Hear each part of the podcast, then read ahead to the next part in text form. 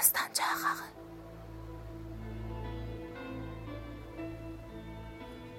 Meşə Dörd fəsl sovuşur, dörd gündür. Birinci fəsl Britaniya. Hava Ləndən kimi dumanlıdır. Bu havada kamyonlarla ağaclar yaxşı avarılmır. Meşənin sonuncu ağaclarını kəsirlər. 4 gün bundan qabaqdan bir xeyli kamyon burada saxlayıb. Buludlar üst-üstə qalanmış pambıq kimidir. Pambıqlar baş kəsməyə gəlmişlər, yumuşaq gəlmiş, onlar ağır gəlmişlər. Nahar çağıdır, duman içindən günəş şaxır. Hətəm meşəsinin dumanlığında doğranmış ağaclar daşqa üstündə satılan ləbi kimi buğlayır. Yavaş-yavaş duman çəkilir. Günəşin son qırmızı şüaları altında Yerə sərilmiş ağacların budaqları ucuna dolça-dolça qırmızı boya çilənib. Səssiz balaca dərədə yuvanın içindəki cücələr gözlərini bir-birinə toxuyublar. 4 fəsl sovuşur 4 gündür. İkinci fəsl şurəvi. Kermeleyn kaxının borcundan baxar kimi kamyonlarla ağacları izləyirəm. Kəndimizin yanındakı təpənin başı gizli məqərrimdir.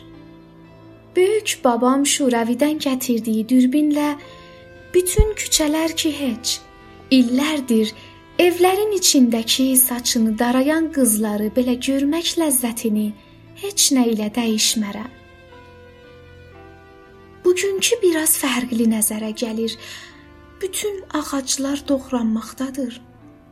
Yarpaqlı ağaclıq mənlə lalənin gizli yeridir.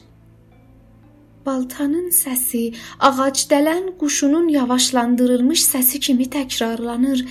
Bu səs kobud, o səs incə.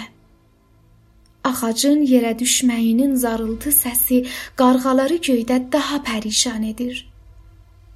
Qarğaların toyu küllükdə şəbəhi dağılmış. Qarğalara bir məktub yazmaq istəyirəm. Onlar ağacların şəbəhinə baxsa da, hələ heç nə düşünmür bəlkə. Fırlanır, dimdikləyir, nəzir bağlayır yarpaqlara. 4 fəsl soğuşur, 4 gündür.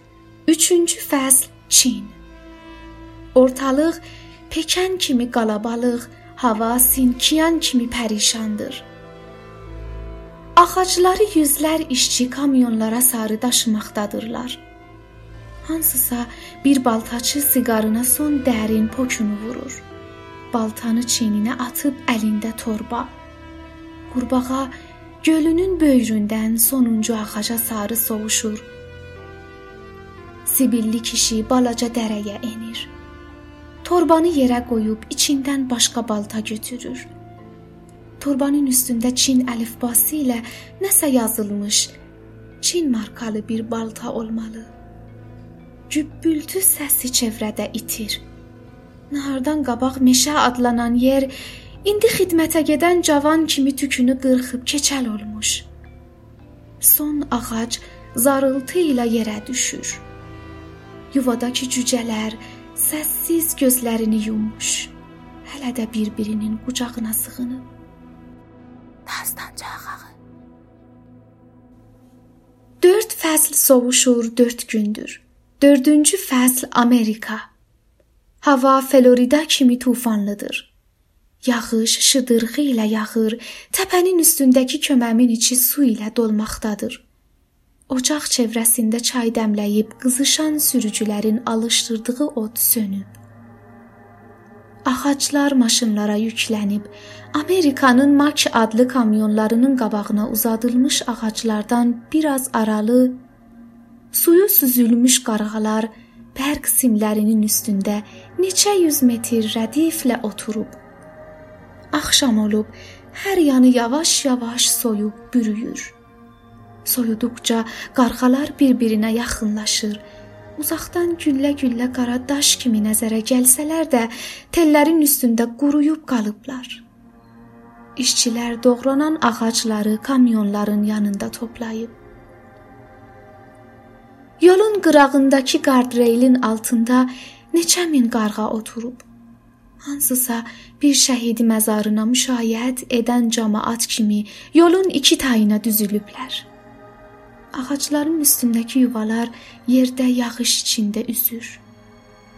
Kamyonlar evlərini daşımaqda olacaq. Qarxalar evlərinin dalı sürə cadanın sonsuzluğunda uça bilməyəcək. Suyun üzərində iki yumurta gedir. Nə hətəmin, nə lalənin heç birinin heç nədən xəbəri yoxdur. Onun daha meşəsi yox və bizim görüş yerimiz talanmış. Köməmin balaca pəncərəsində bir qarğa oturub.